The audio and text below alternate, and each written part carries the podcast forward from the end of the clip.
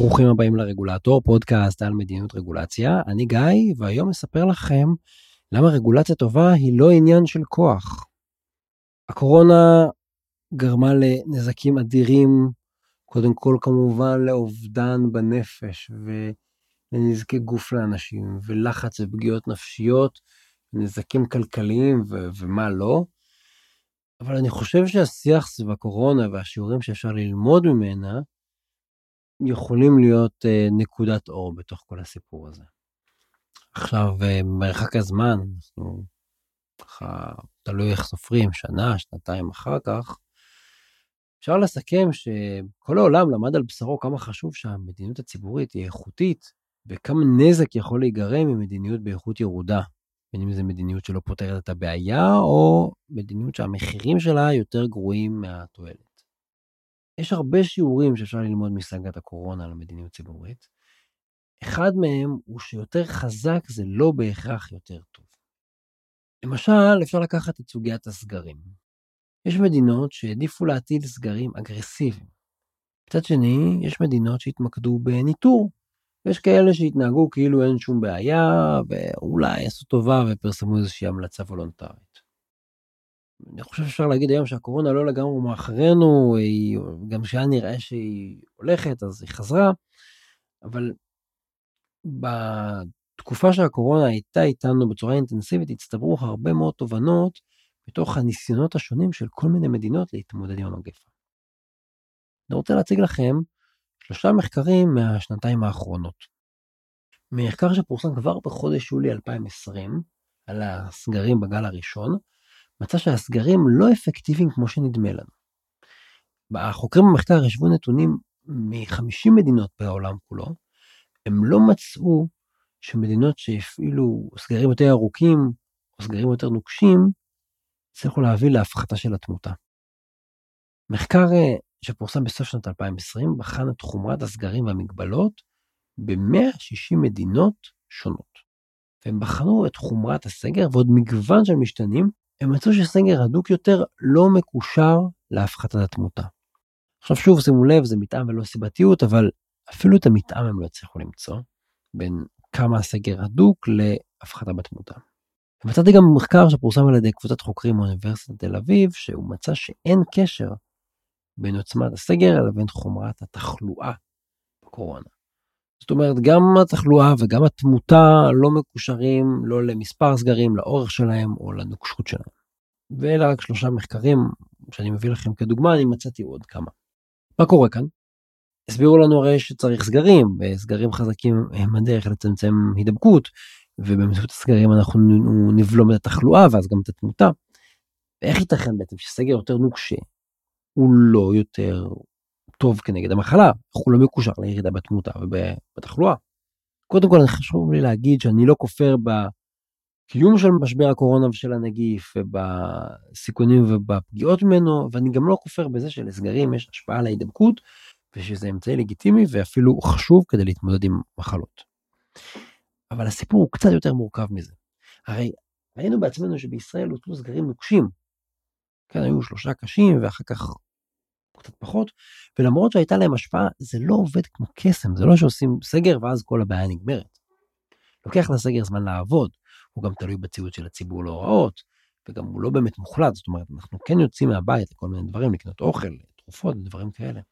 צריך להגיד, גם המומחים לא יודעים להגיד בדיוק מה תהיה התוצאה של הסגר, כן? זה לא איזה מתמטיקה שאתם אומרים, 2 ועוד 2 זה 4. שווה רגע לעצור ולהגיד שזה לא עניין של כוח, זה עניין של שכל. לפחות כשאנחנו מדברים על מדיניות ציבורית במערכות מורכבות. כשאנחנו מטילים רגולציה אנחנו בעצם מפעילים אלימות. זאת האמת. אנחנו מכריחים אנשים לעשות משהו שהם לא רוצים, אנחנו מכריחים אנשים לעשות משהו שהם לא היו עושים אחרת. בגלל זה אנחנו צריכים לחייב אותם. אבל רגולציה טובה לא מבוססת על שימוש בכוח הכפייה, אלא על שימוש בשכל. קודם כל צריך להבין שכוח הוא לא הפתרון. גם אם זה רכיב של רגולציה. וקחו עוד פעם את הקורונה. הרי אי אפשר לכפות על כל הציבור להסתובב עם מסכה ברחוב. יש יותר מדי אנשים, ביותר מדי מקומות, ולא יכול להיות בכל מקום ובכל רגע שוטר או פקח. זה לא ריאלי באמת. אפשר לאכוף את האיסור הזה על אחוז קטן מהציבור איפה שיש לנו אנשים שיעשו פיקוח. אבל אין מספיק פקחים. אם כל הציבור מחליט לא לציית, אני לא אצליח לתפוס את כולם. ואז האיסור הזה לא יעבוד. אז רק כוח ורק כפייה זה לא מספיק. אבל החלק המעניין הוא שכדי שהרגולציה כן תעבוד, היא צריכה להיות חכמה ומדויקת. ופה אנחנו חוזרים לחוקרים מאוניברסיטת תל אביב. הם אומנם מצאו שאין קשר בין עוצמת הסגר לחומרת התחלואה בקורונה, אבל הם כן מצאו משתנה אחר שמסביר את היקף התחלואה ואת התמותה. המשתנה שהם מצאו הוא זמן התגובה. לפי המחקר, הסוד להצלחה של מדינות שהתמודדו טוב עם הקורונה, הוא שהן הטילו את המגבלות והסגרים בשלב מוקדם. ואם תחשבו על זה, זה הגיוני. כי אם יש לכם אויב שמכפיל את עצמו כל כמה ימים, צריך להכות בו כמה שיותר מהר, לפני שהוא מספיק להכפיל את עצמו. כל עיכוב הופך את האויב הזה ליותר מסוכן, הוא מתפשט יותר והוא מתפשט יותר מהר, והיום אנחנו גם יודעים שגם ככל שעובר הזמן יש גם יותר וריאנטים. זאת אומרת, עדיף להרוג את הווירוס הזה כשהוא קטן ולא מפושט באוכלוסייה. קחו כדוגמה את ניו זילנד. בניו זילנד הבינו את זה, והטילו מגבלות מאוד מאוד מחמירות מהר. בחלק מהמדינות, בגלל שלא רצו להחמיר עם הציבור, או לא היו בטוחים, הטילו את המגבלות באופן הדרגתי, לאט לאט החמירו אותן, אבל בינתיים גם הווירוס התפשט. דוגמה אחרת, לא לסגרים דווקא, זו דרום קוריאה. בדרום קוריאה היא לא שמה את הדגש על סגרים, אלא דווקא על ביצוע בדיקות ובידודים נקודתיים. ומה שגרם לזה לעבוד, זה שהם פעלו מהר. זאת אומרת, מהירות התגובה היא מה ששיחק פה תפקיד. אם אתם רוצים לשמוע יותר על הטקטיקות של שתי המדינות האלה, אז בפרק 137 דיברתי על מה שדרום קוריאה עשתה, ובפרק 140 ניתחתי את מה שניו זילנד עשתה. ממש פורסם בזמן אמת קרוב לא, לאירועים. המסר הוא שכל בעיה ציבורית צריכה מענה אחר. המענה צריך להיות איכותי ומתאים. ואם הוא לא כזה, הוא לא יועיל. עכשיו, לא משנה כמה הוא אגרסיבי אם הוא לא בכיוון, כן? זה כמו לתת אגרוף ממש ממש חזק, אבל להחמיץ את המטרה. פספסתי את המטרה, לא משנה כמה, כמה חזק היה האגרוף שלי.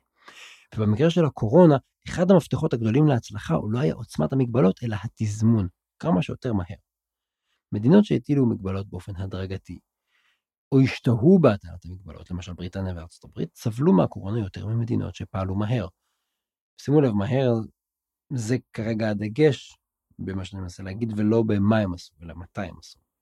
ודבר אחרון שווה להגיד, מעבר לזה חכם ולא רק חזק, שגם בסוף זה עניין של עלות מול תועלת. השורה התחתונה היא בסוף שמדיניות אגרסיבית לא בהכרח יותר מועילה, אבל מדיניות אגרסיבית היא בדרך כלל יותר מזיקה. סגר פוגע בחברה ובכלכלה, סגר יותר הדוק, יותר מחמיר, יותר ארוך, פוגע יותר בחברה ובכלכלה. נזק מהרגולציה הוא פונקציה של כמה היא אגרסיבית. אבל התועלת לא בהכרח. למשל בקורונה, התועלת מהרגולציה היא פונקציה גם של התזמון. אז הייתי רוצה באופן אידיאלי סגר לא מחמיר מאוד מהר, ולא סגר מאוד מאוד מחמיר בסוף. ככה אני מפסיד גם וגם. זה בעצם הרעיון של עלות מול תועלת. למדיניות אגרסיבית יש עלות ברורה, אבל זה לא מבטיח שתהיה לה תועלת. אגב, אם משווים בין מדינות בתוך הברית, אפשר לראות את זה בצורה מאוד ברורה. למשל, אם מסתכלים על מדינות שהטילו מגבלות מאוד חמורות, כמו ניו יורק, ניו ג'רזי או קליפורניה, רואים שהם לא הצליחו להתמודד עם המחלה יותר טוב ממדינות שקבעו מגבלות מתונות ואפילו גישה יותר רכה. מדינות כמו ורמונט, או פלורידה או וויסקונסין. זה צד התועלת. הוא לא בהכרח מושפע מהאגרסיביות. אבל בואו נדבר רגע על צד העלות של הרגולציה, בסדר? לא הבריאות והמחלה והווירוס, אלא המחירים ששילמנו כתוצאה מה, מהמדיניות. המדיניות האגרסיבית של סגרים גרמה לאבטלה בשיעורים גבוהים, גרמה לנזקים כלכליים, גרמה לסגירה של עסקים, גרמה לאנשים להידרדר גם ברמה הנפשית. בפברואר 2021 שיעור האבטלה הלאומי בארצות הברית היה 6.2%.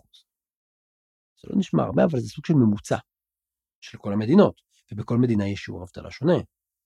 לפי הנתונים של הממשל הפדרלי, במדינות שנקטו גישה יותר אגרסיבית, שיעור האבטלה נעו סביב ה-8%.